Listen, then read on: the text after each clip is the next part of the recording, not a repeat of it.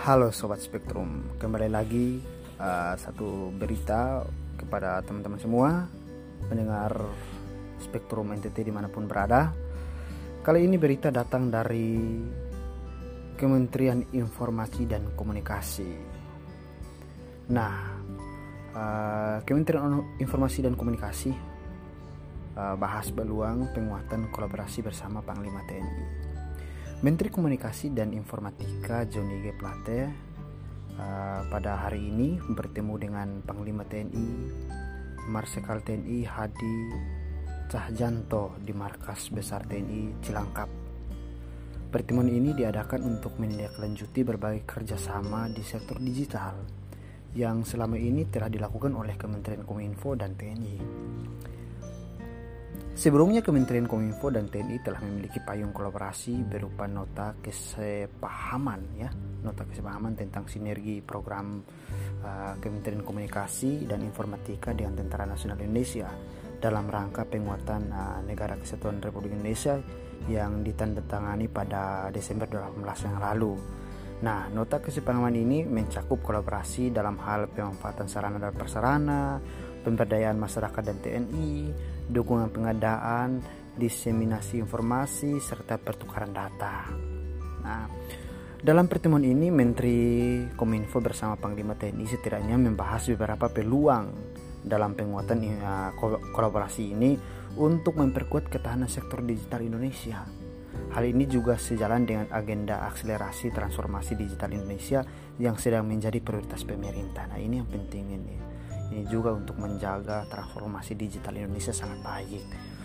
Nah, untuk itu Kementerian Kominfo dan TNI akan terus mendorong kolaborasi lebih lanjut dalam hal menyiapkan dan memfasilitasi kebutuhan teknologi militer untuk kepentingan pertahanan serta keamanan. Wow, ini luar biasa ya untuk menjaga teknologi militer, kebutuhan militer, memfasilitasi kebutuhan militer seperti pemanfaatan frekuensi uh, spektrum uh, untuk pertahanan negara di samping itu, kolaborasi dalam membangun dan menjaga upaya pemerataan infrastruktur telekomunikasi dan informasi di seluruh pelosok Nusantara juga uh, uh, menjadi fokus utama antara Menteri uh, Kominfo dan juga Panglima TNI.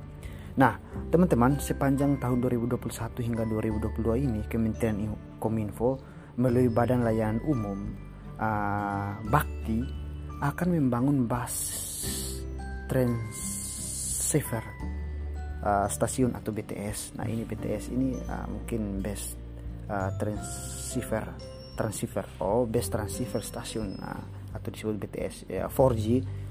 Oh jadi ada BTS 4G di 7.914 desa dan kelurahan. Wow ini luar biasa banyak ya pada wilayah 3T. Oh berarti dia membangun uh, BTS 4G di wilayah 3T itu sebanyak 7.904 desa. Wow. Uh, teman-teman perlu ketahui wilayah 3T itu adalah wilayah yang terdepan, terluar dan tertinggal yang tersebar di Kepulauan Sumatera, Kalimantan, Sulawesi, Nusa Tenggara, Maluku dan juga Papua. Selain selain itu, Kementerian Informasi juga akan mempersiapkan infrastruktur jaringan tambahan untuk mendukung pelaksanaan Pekan Olahraga Nasional yang ke-20 pada Oktober 2021 mendatang. Oh ya maaf, pada Oktober 2021 mendatang di Provinsi Papua dan Papua Barat. Wow, luar biasa ya. Jadi ini sekaligus mempersiapkan ya PON yang ke-20 di Papua pada bulan Oktober nanti. Nah, pertemuan tersebut berlangsung dalam suasana penuh keakraban dan silaturahmi serta diakhiri dengan kesepakatan untuk memperkuat fondasi hubungan kerjasama dan koordinasi antara Kementerian Kominfo dan TNI.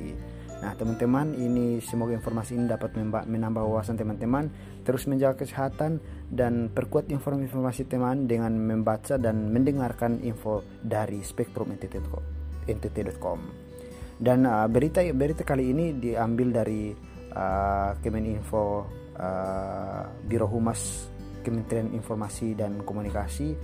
Dan uh, saya harap teman-teman selalu diberkati. Terima kasih, salam, sampai jumpa pada informasi berikutnya.